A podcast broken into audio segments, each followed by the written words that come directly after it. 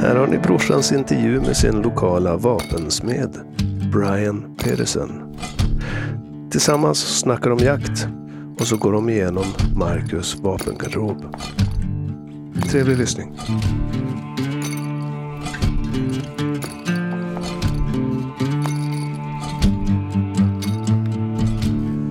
Två bröder ger sig ut på jakt efter vilt och all den kunskap och kärlek som behövs. Följ med till det innersta hjärtat av jakten.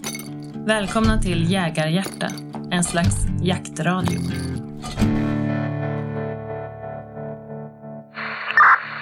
Då säger jag så här. Välkommen till Jägarhjärta, Brian Pedersen.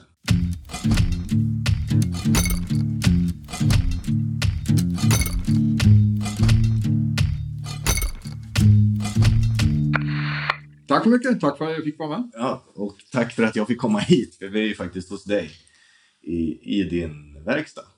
Det I stämmer. din eh, eh, smidesverkstad helt enkelt. För Ja, du, eh, ja, något sånt. Vapensmedsverkstad, börsmakarverkstan. Typ. ja. Eh, och du är vapensmed.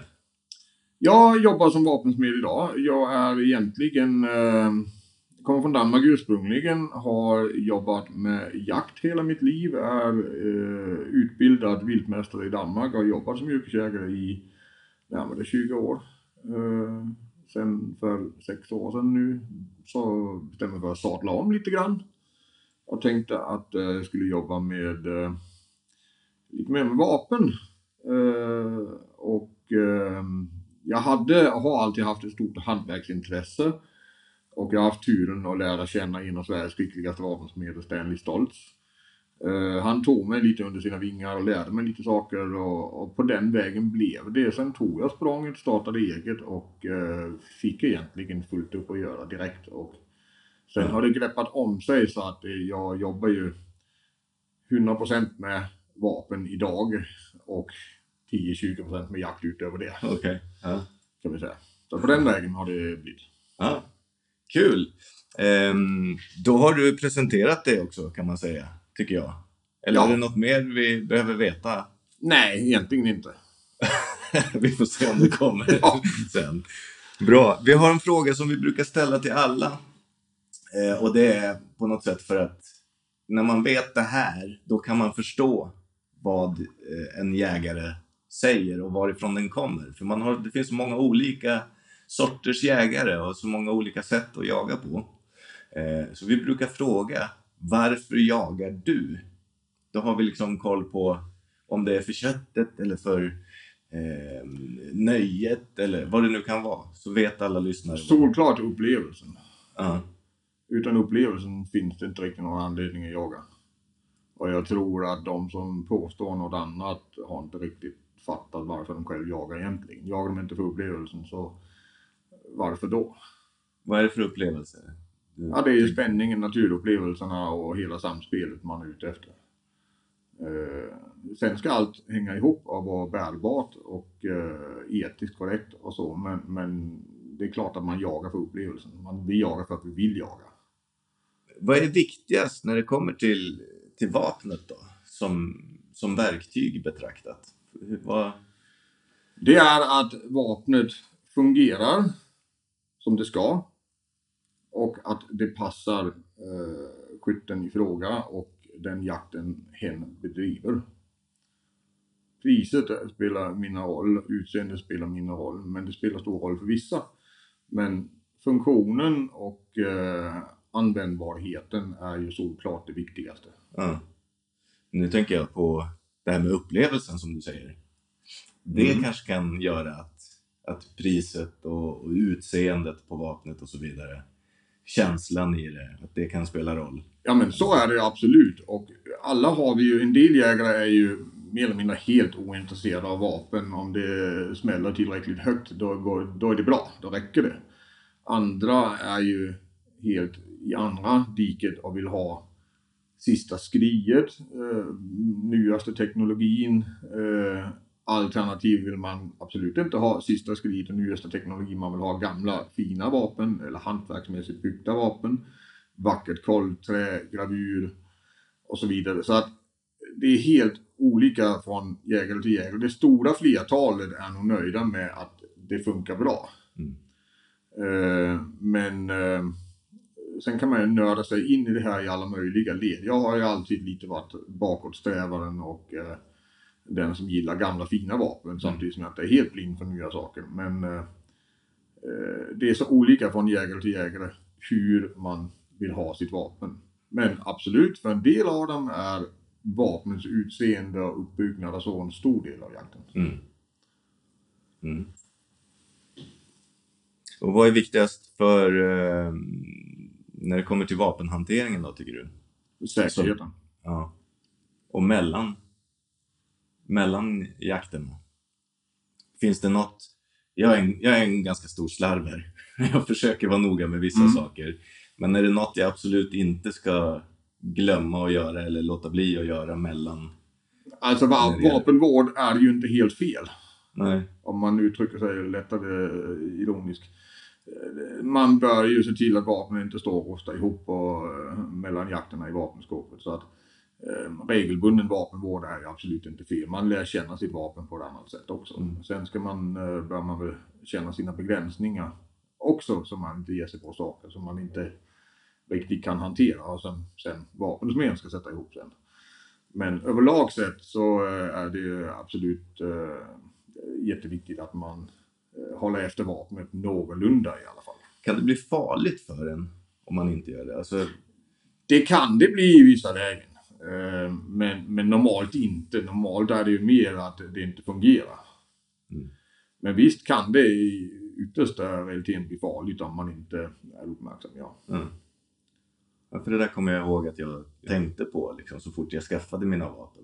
Kan det inte bli fel nu? Alltså jag känner att jag måste verkligen få koll på, på hur jag hanterar mina vapen. Mm. Både, alltså, I utbildningen får jag ju veta hur jag ska göra väldigt mycket under jakten och det känner jag mig trygg med. Eh, men just det här mellan och vad man köper för Mm. vapen och hur man hanterar dem där. Det, det kändes lite eh, det kändes nytt och ja, det handlar om vapen. Liksom. Det är ju viktigt. enormt mycket saker att sätta sig in i om man kommer som nybliven jägare och ska köpa sitt första vapen till exempel. Det, det är ju en ren djungel egentligen om man inte är insatt från början. Eh, och då gäller det att man väljer eh, att köpa sitt vapen lämpligtvis från en butik med skicklig och utbildad personal som kan vägleda en i den riktningen man vill och inte bara är ute efter att kränga dyrast möjliga saker. Det är klart, vapenbutikerna ska ju leva och de, de livnär sig på att sälja saker. Det är inte konstigare än som så. Men, men eh, jättemånga butiker har ju som tur är jätteskicklig och jättebra personal som kan vägleda eh, i mångt och mycket. Mm. Och kan man ingenting så bör man ju lyssna. Så får man ju försöka klura ut om de nu eh, kör säljsnack eller inte. Ja. Det kan ju alltid vara ett problem. Men, men eh, eh, lyssna på kamrater, liksom att ja, dit ska man åka eller dit ska man inte åka. Ja. Så man ska inte göra som jag. Gå till någon eh, gamla farbror som eh, slutat jaga och blivit halvblind på, på ena ögat och trodde att kikarsiktet var trasigt för han såg inget kors längre. Man ska inte gå dit och bara köpa det för... Det kan man ju absolut göra. Men det är bra om man vet lite grann om det. Men, men eh, det kan man ju absolut göra. Många av de gamla vapnen är ju inte något fel på överhuvudtaget. Och som sagt, jag som bakåtsträvare kan ju ofta tycka att de vapnen som gjordes för 40-50 år sedan i mångt och mycket är bättre egentligen, håller högre kvalitet än många av de vapen som görs idag.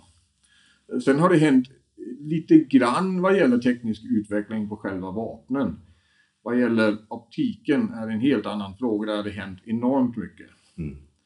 Eh, och de kikarna man hängde på bössarna på 70-talet eh, är ju idag någonting som man egentligen borde mata fiskarna med. Okej. Eh, där har det hänt enormt mycket. Ja. Eh, och generellt kan man säga det optiken, om man nu pratar kikarsikten, är viktigare än studsaren Mm. överlag sett. Mm. Man kan få väldigt, väldigt exakt skjutande bössor till väldigt billig peng. Eh, men det är bättre att lägga sig lite högre och inte köpa det billigaste vad gäller optiken. Mm.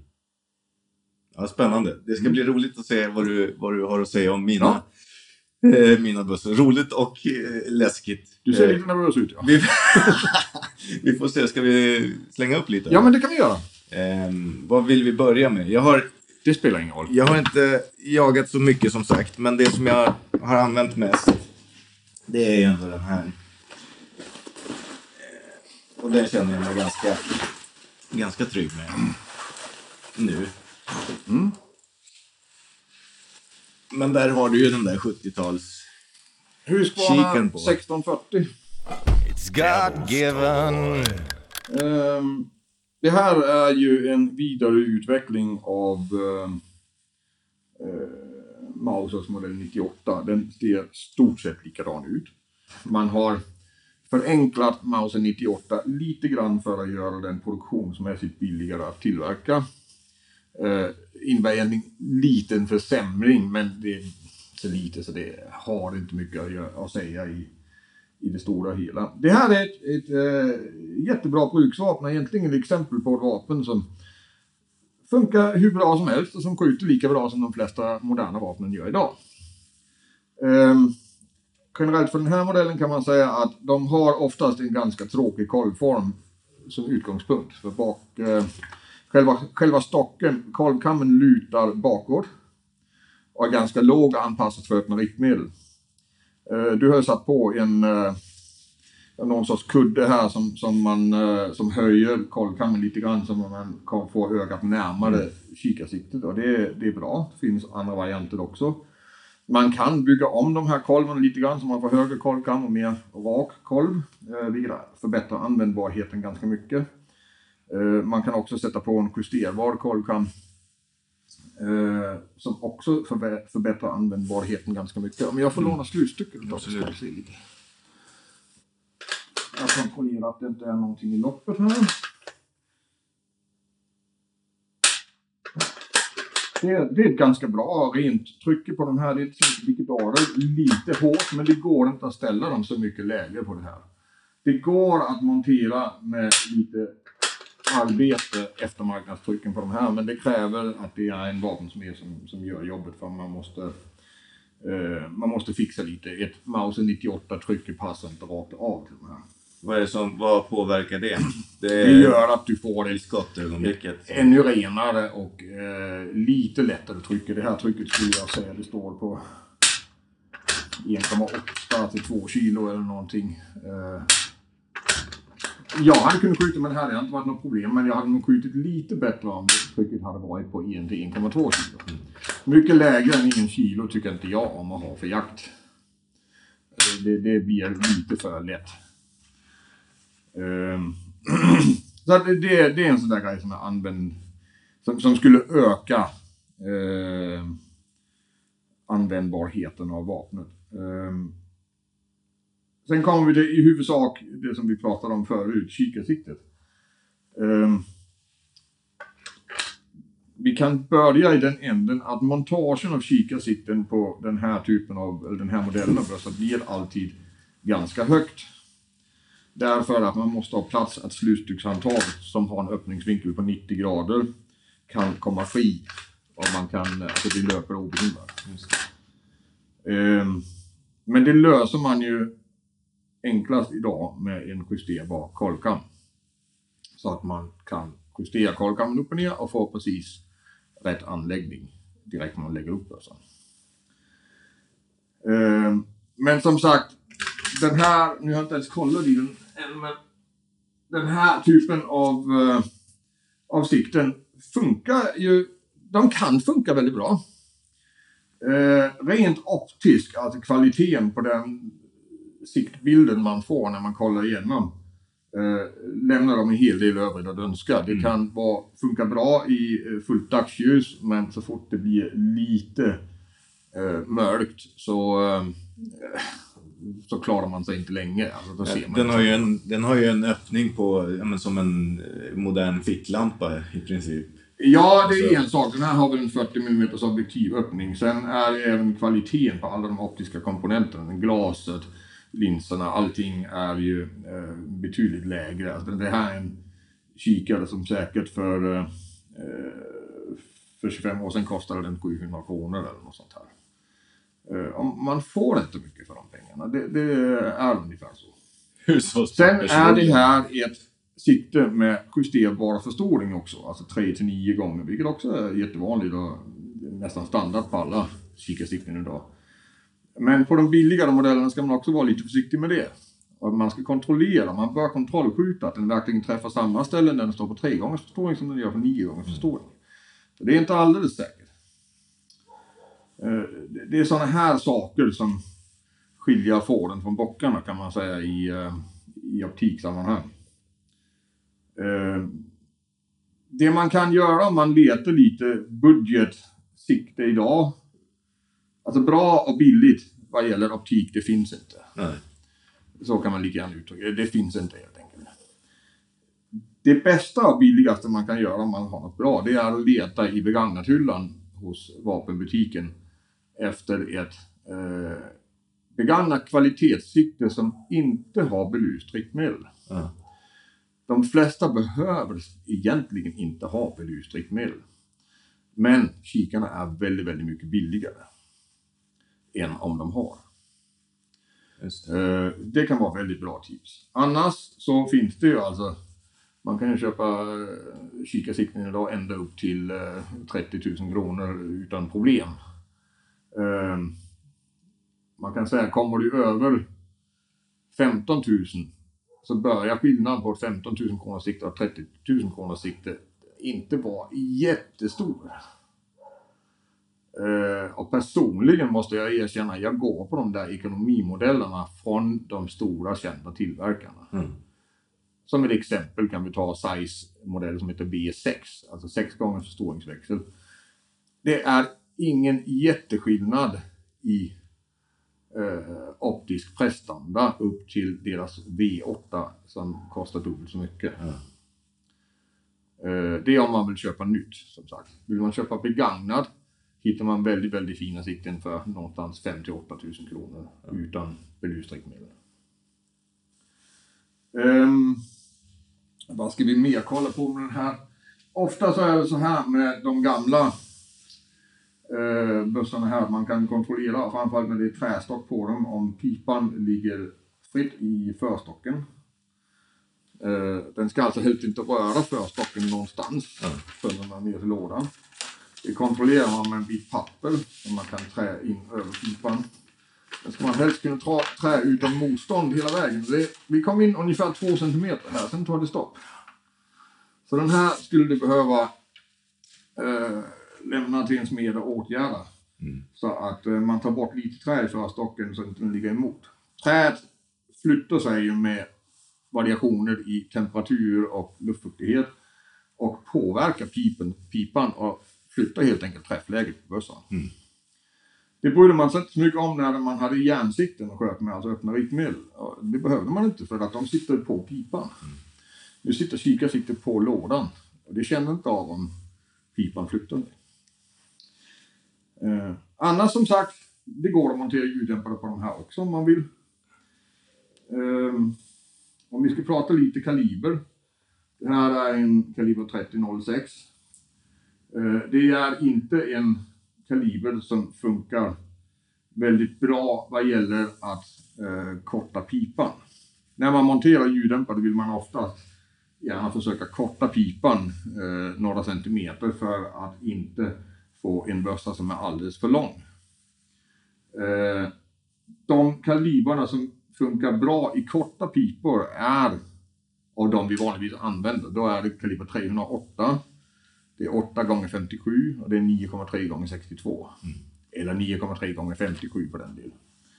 De funkar bra i korta pipor för de har en relativt liten klutvolym i förhållande till kuldiametern. Okej. Kaliber 3006 eh, tappar betydligt mer i hastighet per centimeter man kapar den än en 308 gör. Sen har 3006 en högre utgångshastighet från början. Men eh, det är ändå en sån här kaliber man, man kommer att elda för kråkorna om man har för kort pipa. Det sista klutet hinner inte förbrinnas. Det brinner utanför pipan med högre eh, mynningssmäll eh, som följd och eh, lägre effekt. Så ska man köpa en ny bössa idag jag, jag brukar säga så här, det finns egentligen bara en kaliber till normalt svensk bruk. Det finns en kaliber, den täcker allt. Det är kaliber 308 Winchester. Ja. Eh, man kan välja 8 gånger 57 också och man kan välja 9,3 gånger 62 om man har lite mer speciella behov. Men för den nya jägaren, då är kaliber 308 Winchester det enda logiska valet egentligen. Ja. Därför att den funkar bra i korta pipor. Den har hygglig prestanda på rätt, ganska långt håll och den har fullt tillräcklig kraft för att döda all svensk vilt effektivt. Och den har tillräckligt mild rekyl för att man kan skjuta bra med den. Ja. Spännande. Mm. Ja, men det där känns ju bra. Ska vi ta nästa? Ska vi ge oss på den där lilla påsen? Mm, Ja, den ser suspekt ut. Det ligger lite olika där i. Vi får, vi får se det också. Det ligger lite olika delar där. Så. Där är den. Ja, du får... Ja, var ska vi börja här? Eh, vi har ju först här en äldre eh, tjeckisk bössa, en Donau. En bock med ett hagelpipset och ett kombipipset till. Eh, det här är eh, ganska bra vapen egentligen. De är, är eh, sunda till sin konstruktion och så. Ehm, de är byggda i uh, öststaterna förut, men tjeckerna de visste vad de gjorde med vapen, så det var inte så mycket mer med det. Det är ingen, man har inte lagt någon tid på att göra saker och ting fina, snygga och så, men det, det är en, eh, ett enkelt bruksvapen med en väl fungerande sådant. Med en lite udda konstruktion, men det, det är inte så mycket att säga om det. De fungerar vanligtvis ganska bra. Mm. Värdet på dem är inte jättehögt idag, eller ganska lågt rättare sagt. Men, men det är väl fungerande bruksvapen. Jag gillar ju att de är så här bruksiga. Som Ja. att de har... Men jag har märkt att det sitter liksom... De här är lite... Förstocken menar du? Ja, det, är, det är som att träet där inte riktigt sitter på. Det är lite löst och rangligt och jag vet inte. De är inte gjorda bättre från början kan jag säga. Nej. De, de är så här. Eh, det är inget man behöver bry sig någonting vidare om. De, är gjorda sådär från början, de är inte mer. Det man kan hålla utkik efter det är om man har några sprickor i kolven framförallt. Eh, det är det inte överhuvudtaget på de här. De ser bra ut. Uh, sprickor i kolvträ bör man lämna till en kompetent vapensmed. Inte till den lokala snickaren. Eh, utan att förolämpa andra yrkesgrupper så har de inte det lim som är rätt att använda i det här sammanhanget. De vet inte hur man gör. Sorry snickare, det är så. Lämna till kompetent vapensmed. Eh, det är bättre att få dem lagad ordentligt från början. För lagar man dem ordentligt så spricker de vanligtvis inte vidare. Det. Och det är så pass högt tryck i de här grejerna så att det har det väl börjat. Det har också kan- mycket med att göra att eh, ibland bössor som är tillverkade till ex- exempelvis i Italien där de har ett ganska så fuktigt klimat egentligen. De passar jättebra när de lämnar fabriken där nere. Sen kommer de upp till vårt svenska klimat där det, som är betydligt torrare. Och eh, träet krymper då. Men metallen håller samma form vilket innebär att ja, vad ska träet då göra? Det har inget val annat än att spricka. Och då krävs det att man passar in träet igen och limmar sprickan. Eh, så det är en, en sån här grej som eh, man håller tassarna ifrån som, eh, som jägare göra själv. Utan det lämnar man till smed. Sen har vi lite andra udda saker här. Den här hör ju till de här på något sätt. Det är en, Jaha. någon slags insticks. Ja, nu ska vi se. Ja, det ser verkligen udda ut det här. Det är ju en räfflad instickspipa. Men eh, den har sett bättre dagar. Den ser faktiskt lite konstig ut för att vara ärlig, för det finns ingen ejektor. Alltså, jag kan inte se vilken kaliber det är heller. Det är inte 22 long rifle i alla fall. Det här kan jag faktiskt inte säga någonting om. Väldigt märkligt. Ska jag göra mig av med den? Jag känner inte att jag Jag vet inte vad du ska behöver använda den till. Men det finns ju... Alltså jag tror att det, för den där är ju en... Eh, jag tror att det där är en eh, 222 ska det vara enligt licensen. Ja. Den, den, den är enkel tillverkning. Du, du har ingen utdragare för patronen. Eh, normalt på instickspipor, jag har en själv, då är ju, finns det en utdragare för patronen inbyggd i bakre änden på pipan. Det gör det inte på den här. Den går inte ens ner i någon av piporna. Den där skulle jag rekommendera att lämna till polisen för skrotning. Ja. Eh, Den har inte mycket att erbjuda idag. Sen har vi då till slut, den här tror jag aldrig jag har sett faktiskt. Är det här? En 401 kalibrig.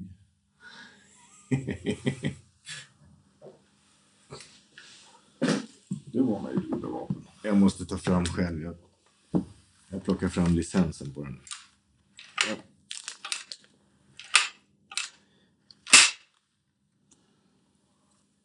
Det är ju en halvautomat i alla fall, en Winchester halvautomat.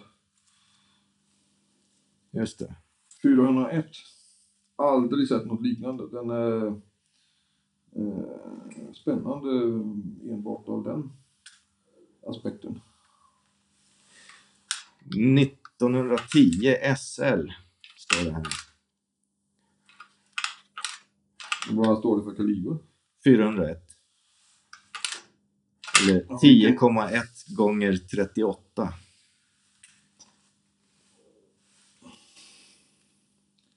Ja, det var eh, bra fråga vilken patron den är kamrad för eh, egentligen. Jag har aldrig någonsin sett eller hört talas om den patronen. Men den har ju bevisligen funnits. Det visar bara på, eh, visar kanske mest på min okunnighet i frågan. Men är det något i princip antikt? Där? ja? Ja, det är definitivt ett antikt gevär. Eh, eh, det skulle absolut inte förvåna mig om det fungerar. Det fungerar bra. Det ser ut att vara... Den verkar fungera enligt eh, principen tungt slutstycke, vilket enbart funkar till relativt lättladdade patroner. Det här är ju förmodligen en klass 3-kulpatron. Nu plockade du fram en patron till mig. Den var ju faktiskt lite snygg. En Kunock, engelsk tillverkad patron. Ah, den, är, den är rolig den här, så vill jag säga. Aldrig sett en sån förut. Ehm, jag tror spontant inte det är något fel på den, den går säkert att skjuta. Men um, udda vapen. Ja. Det, det, det är ju ingen klass 1-studsare i alla fall, så man ska ge sig ut och skjuta Eh, vildsvin. Men huruvida patronen håller klass 2 kan jag inte uttala mig om. Möjligen, men jag vet inte. Med tanke på att eh, lådan som sagt, det finns ingen låsning för slutstycket överhuvudtaget. Den fungerar bara för att slutstycket är relativt tungt. Så att det blir en liten fördröjning innan det börjar röra sig bakåt och kastar ut tomhusen. I den aspekten, det funkar det bara för relativt lättladdade patroner så att förmodligen är det en eh, klass 3 skulle jag tro. Så att det är räv, grävling och mindre vilt som man får skjuta med. Jag har en låda med 20 sådana där. De Ja. verkar inte gå att hitta, så då måste man börja ladda Det själv. går nog inte att hitta. Nej, jag tror inte heller det går att hitta. Men man kan googla. Se om man hittar på något vettigt. Ja. Ja, den är rolig. Men det, där, och det här är ju en sån typisk... det är en kompis morfars. Och min kompis jagar själv och hade full garderob och Mm. liksom får inte plats med. Men han vill inte att en sån här bössa ska försvinna. Nej. Så jag fick i princip ta över den. Jag tror 500 kronor för att... Ja. Och den, den har inget, det är möjligt att den har ett samlarvärde någonstans, den har inget bruksvärde. Nej. Eh, så kan vi ju säga i och med att patronen är så udda som den är.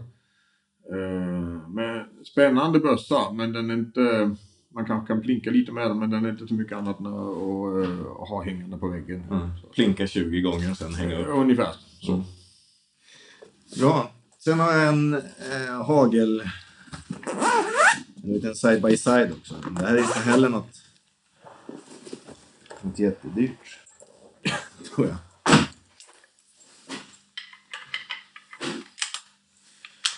Ser ut att vara en gammal Merkel. Nej, det är en Sauer och Zon. Eh, det här är ju en eh, äldre tysk bössa. Eh, jag är faktiskt lite osäker på om det är strax före andra världskriget, alltså mellankrigsåren eller strax efter andra världskriget. Inget större fel på de här.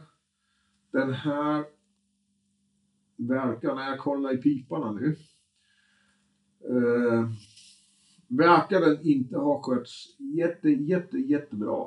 Eh, det ser ut som om det är en del rost, eh, gravrost i piparna som man har polerat bort så småningom. Men det, det är liksom eh, groper i piporna invändigt. Det är nog inget eh, som är någon fara att skjuta med. Men eh, annars så Mm. ganska trevlig bössa. Den verkar vara ganska tät, ingen större glapp i den. Nej, den är ganska bra. Som många äldre, eh, enklare tyska vapen så har den ingen ejektor utan enbart utdragare. Men det behöver man egentligen inte. Jag menar man ska skjuta jättemånga skott på kort tid. Den har automatisk säkring som där på sid och sidobössor. Dubbla avtryckare, enkel kolvträ. Ja, ett enkelt bra bruksvapen. Eh, jag kan inte rakt upp och ner, jag är lite dålig på provstämplar och sånt här så Mm. jag kan inte säga om eh, man ska skjuta stålhagel här men jag skulle nog säga att man bör inte göra det. Nej. Däremot så är oftast de äldre tyska vapnen här så pass tjocka i godset så att det är ingen fara. Men jag rekommenderar det inte i alla fall. Mm. För de är inte provtryckta till 1200 kilo per kvadratcentimeter. Utan de är vanligtvis provtryckta till 900 kilo eller något sånt. Vad händer med den nu då om det blir blyförbud? Och då får man ju, om man vill använda, får man använda alternativpatroner som tungsten eller bismut eller, Ja, ja, ja. eller något sånt.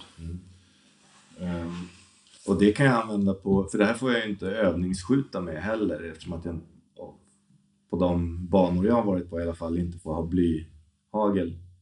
Nej, då är, det, då är det lite problem. Då är det, om man inte man kan hitta stålhagelpatroner som eh, är, eh, alltså som har en, eh, ett lägre tryck. Alltså många av de här 24 grammarna har kanske inte ett tryck på mer än 850 gram per kubikcentimeter. Då är det absolut ingen fara. Sen är stålhagel sliter ju alltså mer på piparna och eh, eh, framför allt de här äldre tyska bössorna kan ofta ha en ganska så trång trångvåning, alltså minskningen av pip, invändiga pipdiametern längst ut över mynningen är ganska stor. Mm. Och det är inte jättebra för stålhagel. Jag har eh, min egen drilling som är är fullt borrad på ena pipan har jag sett på att den har ju fått en liten skada här ute med mynningen. Här det börjar bli en liten, liten buckla. Eh, så att, mm, som min mentor Stanley brukar säga, stålhagel är av det onda. Det är inte ett material som är särskilt elastiskt. Det ger inte med sig någonting så att det, det är lite tuffare mot materialet än vad blyhagel är. Oavsett att alla moderna vapen idag ju är gjorda för att man ska kunna skjuta stålhagel i dem. Och vanligtvis händer det absolut ingenting. Men, Mm. men på de äldre vapnen bör man vara försiktigare att man bör skjuta blyhagel eller någon miljöammunition. Vilka, eh, då tycker du att det är den jag ska använda för hageljakt? Ja, men det är samma sak. Jag, faktiskt inte, jag tror absolut den håller för de flesta patronerna där. Men jag har inte riktigt koll på vad de är tryckprovade för de där. Den här också? Ja, Det är alltså den eh, Brunon vi pratar om? ja, Brunon. Uh, jag har inte riktigt koll på... eh, man ser inte många av de här gamla vapnen idag. ja, men man ser inte jättemånga av dem. Eh, Sverige är lite av ett vapenmässigt utvecklingsland på så vis att, att i och med att vi har våran vapengarderob så är inte begagnatmarknaden jättestor.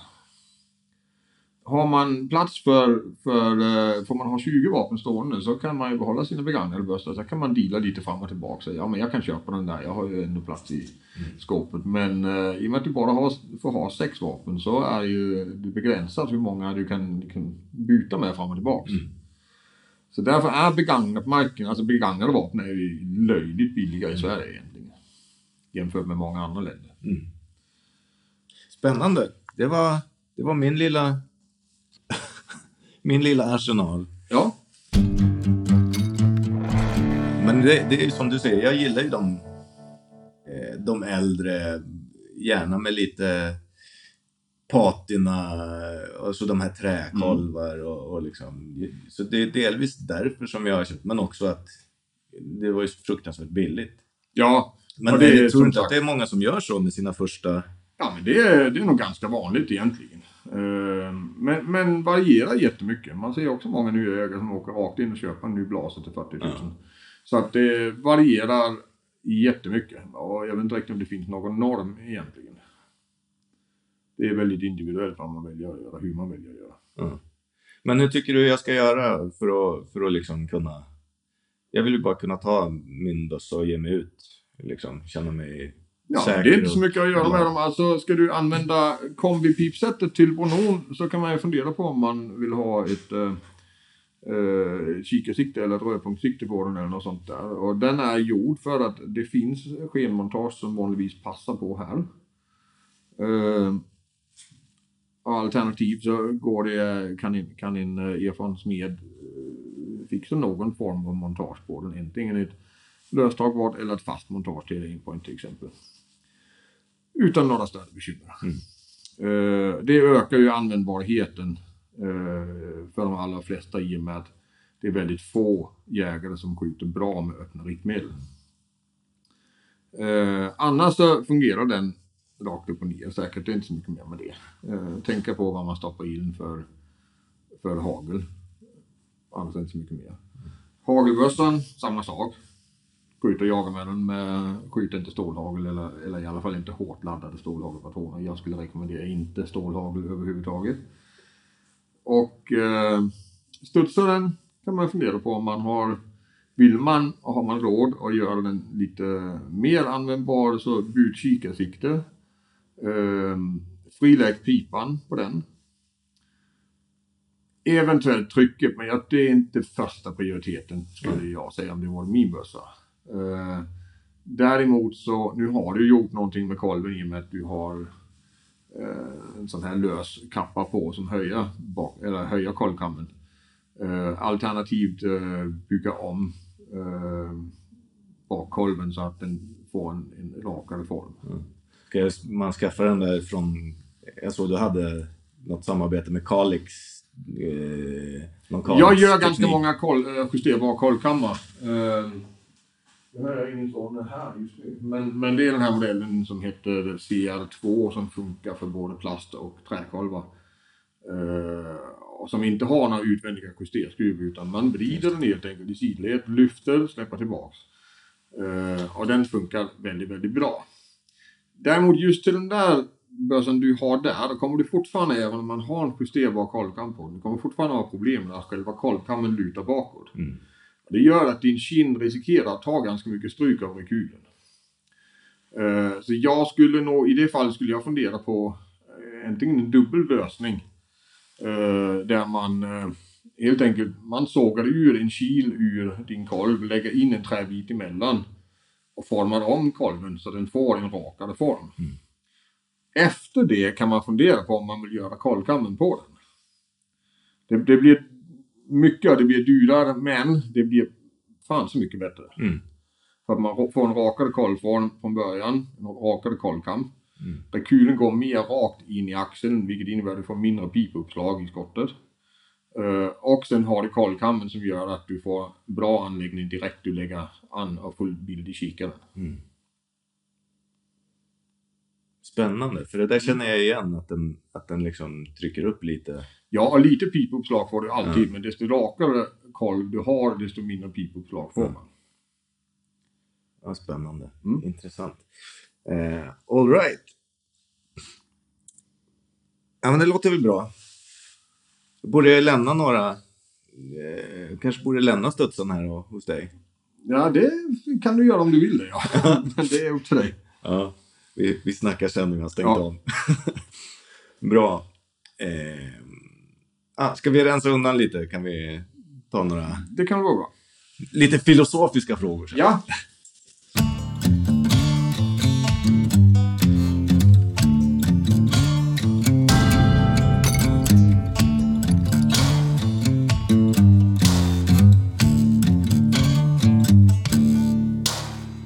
är ju också, eller du var från början yrkesjägare. Ja. Eh, det känns som att här finns det ju kunskap att hämta på även annat. Jag funderar på om du har, har någon liksom övertygelse eller eh, någonting som, som har hjälpt dig väldigt mycket i din eh, ja, men i din jaktkarriär kanske, eller om det är något med, med i apensmidet, liksom någon ehm, ja, men ett beteende eller en vana eller något sånt där som har förbättrat ditt liv som, som jägare eller smed? Nej, det vet jag inte. Det, det man kan säga om det är någonting som jag försöker leva efter, det är assumption is the mother of all fuck-ups. En, gång, en gång till. Assumption is the mother of all fuck-ups. Ja. Alltså, anta det brukar leda till att det blir fel. Ja. Eh, vad gäller jakten som ny jägare, skaffa kunskap. Se till att man vet vad det är man jagar. Se till att man kan se skillnad på en kronhjort och en dovhjort. Eh, se till att man kallar djuren vid sitt rätta namn. Inte en kronhjortstjur. Det finns inte. Det heter en kronhjort. En kronhind, en kronkalv. Det heter rådjurskid. Eh, Sådana saker. Desto mer kunskap man har, desto bättre är det eh, på alla sätt och vis. Och desto mer har man ut av jakten. Det blir ett större nöje också när man inte känner att man sitter som ett med. Så plugga även liksom hemma framför datorn på Youtube och, och så vidare. Eh, behandla viltet med respekt. I alla lägen, både före skottet och efter skottet. Eh, Det är levande varelser vi, vi jagar och har vi skjutit dem då ska vi ta hand om dem på ett bra sätt. Ehm, det är väl i stort sett det. Jag kan ju fortsätta, det är massor med saker men det eh, någon sådär enkel enstaka övertygelse, det tror jag inte jag har egentligen. Mm. Eh, någon, har du någon bra...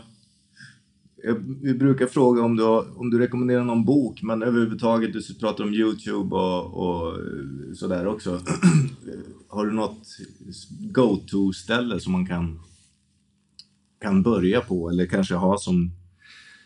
Nej, det har jag nog inte riktigt egentligen. Ehm,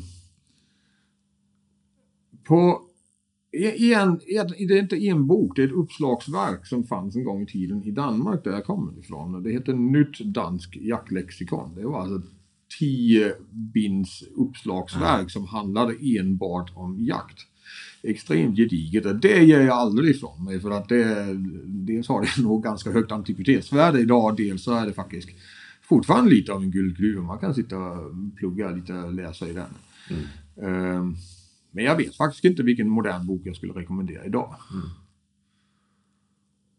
Jag sitter väldigt mycket och tittar på, på liksom jaktvideos och, och liksom letar information och sådär. Men det som känns olustigt, det är att man vet inte hur bra eh, de personerna som gör de här filmerna tänker. Alltså, är det Nej. här exakt rätt? Och det, Och det är svårt som ny jägare. ja, Och där måste jag hålla helt med dig. Det finns... jag är ju lite för gammal. Jag är av den generationen. Jag, jag kollar inte riktigt på eh, diverse bloggers och influencers kanaler. Inte riktigt min grej. Lite- Det lilla jag ser så är det mycket av det som, som eh, irriterar mig eller skakar mig bitvis också i min grundvåld. Eh, och många verkar ju liksom gå in och skaffa en, en, eh, en blogg och försöka bli influencers och har egentligen i mitt tycke inte den här kunskapen som man egentligen skulle behöva. Jag har ingen lust att ge mig in i det där. Det finns massor av människor som vet betydligt mer om jakten än jag gör. Jag har ju många av mina kollegor inom, inom jakten som jag har en enorm respekt för. Som har en helt outgrundlig eh, källa till kunskap. Ehm, men, men de gick ju inte gå och hålla på och lägga ut sig på nätet Nej. och det, det är inte deras grej. Skulle jag rekommendera en kanal faktiskt. Så är det Sundell Hunting. Väldigt, väldigt kunnig, trevlig kille som eh, pratar mycket om det här med det genuina i jakten och liksom upplevelsen med jakten. Inte bara liksom pang, vilt i backen och så vidare. Utan väldigt mycket prata om jaktens själ. Mm. Sundell Hunting, den vill jag faktiskt rekommendera. Härligt. Mycket bra. Eh, nu har vi pratat lite grann om, om vad jag skulle kunna göra med de här. Men har du någon generell, eh, något generellt tips på ett, på ett inköp på, på kanske runt en tusenlapp eller något sånt som du tycker att alla jägare borde göra eller som du tycker att jag borde göra med det här? Det behöver inte vara Nej, till det, vapen det heller. vet jag inte riktigt om jag har. Nu säger du en tusenlapp. Eh, nej, den har jag kanske lite svårt för att ge något bra tips på. Eh, det jag kan säga som många, det alla ska ha idag, alla i citationstecken, men de allra flesta skaffar sig idag. Det är ljuddämpare. Det är justerbar kolkam. Och sen kommer vi till eh, ytterligare en sak som många gör, att man justerar längden på kolven på sitt vapen så den passar skytten, vilket också är en extremt viktig grej. Det är nog den delen som kommer närmast de 1000 kronor, även om det ligger något över i alla fall. Men eh, de tre jobben utgör ju tre fjärdedelar av allt jag gör i princip. Det är ljuddämparmonteringar, monteringar och justerbara kolvkammar, längdjustering av eh, kolvar, Mm. montering av nya bakkappor och så. Ehm, då har, det gör att man får ett vapen som är betydligt mer anpassat till den jakten man bedriver. Utöver det så anser jag kikarsiktet och kikarfästet är det bland det viktigare du kan eh, eh, du bör koncentrera dig om på din bössa. Mm. Bra sikte och bra fästen till siktet är extremt viktiga och korrekt montering givetvis.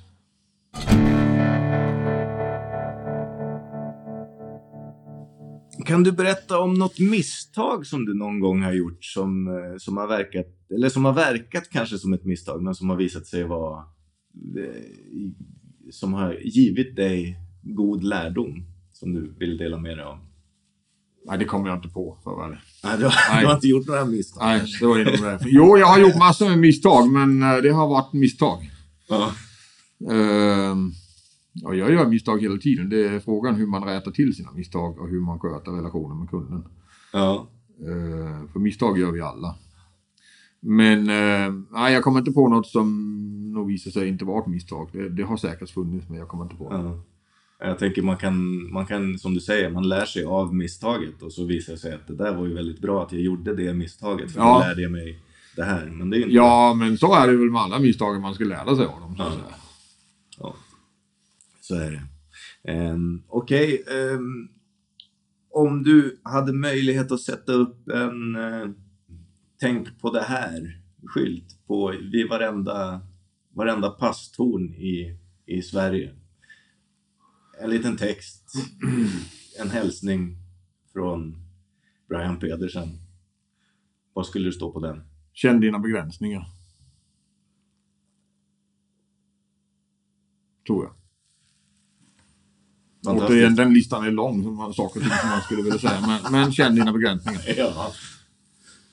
Ungefär så. Ja. Det, tycker du att folk borde se den skylten och kanske vända hem?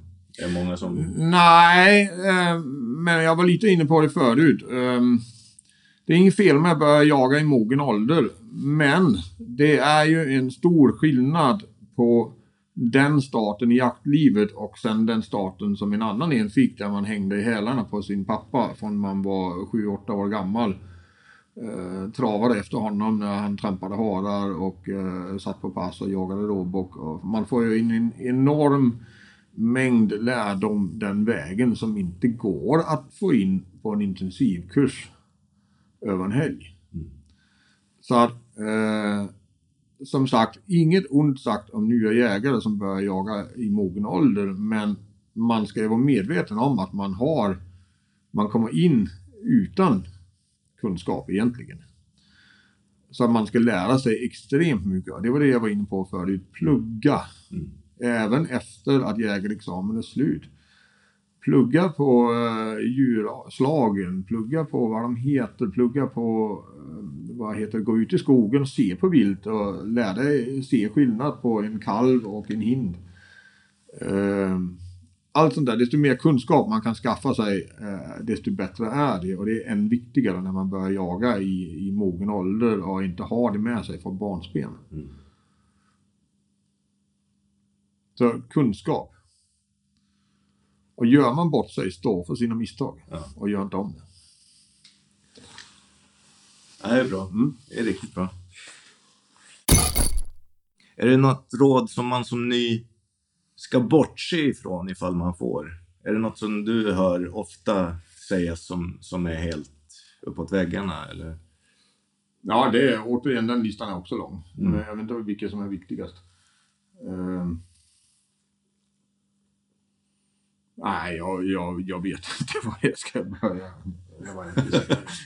Nej, men det är spännande det där. För det, för det, det blir ju som du säger svårt för, för Ja. nyblivna jägare. Jag tänker att det där kan innebära att det är svårt även för, för sådana som börjar kliva i hälarna på pappa när de är Ja. åtta. Om pappa har väldigt mycket konstiga jakthyss för sig. liksom. Absolut, så är det ju också. Eh, men alltså man kan säga vad, vad gäller vapendelen finns det ju de flesta jägarna en del är jättekunniga om sina vapen och, och hur de i eh, stort fungerar. Detaljerna behöver man inte veta lika lite som man, man behöver inte veta hur en förbränningsmotor fungerar för att kunna köra en bil. Eh, men sen är det också många som, jag hade ett hemskt misstag veckan där det kommer in en, en eh, jägare med en patron som har fastnat i loppet på en studsare. Och då har man alltså laddat en kaliber 30-06 studsare med en 308 patron. Det är inget bra. Det, det är inget bra alls. Nu, som tur var lyckades jag pilla ut den där på ett enkelt sätt för annars är det där en fullkomligt livsfarlig eh, operation om man ska ut en oskjuten patron som sitter fast i ett lopp. Mm. Den, eh, det finns sätt att göra det på som jag inte tänker ropa upp högt här för att då kommer folk att försöka själv och sätta livet på spel. Men eh, eh, man ska veta vad man gör.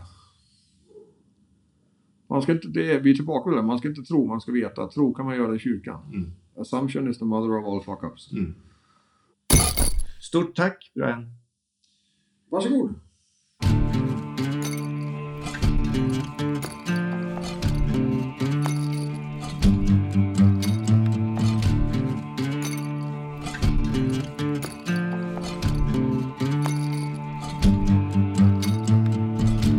Got a hunter's heart. I've got blood for the trail. I've got a habit of wild. And I am in for the game.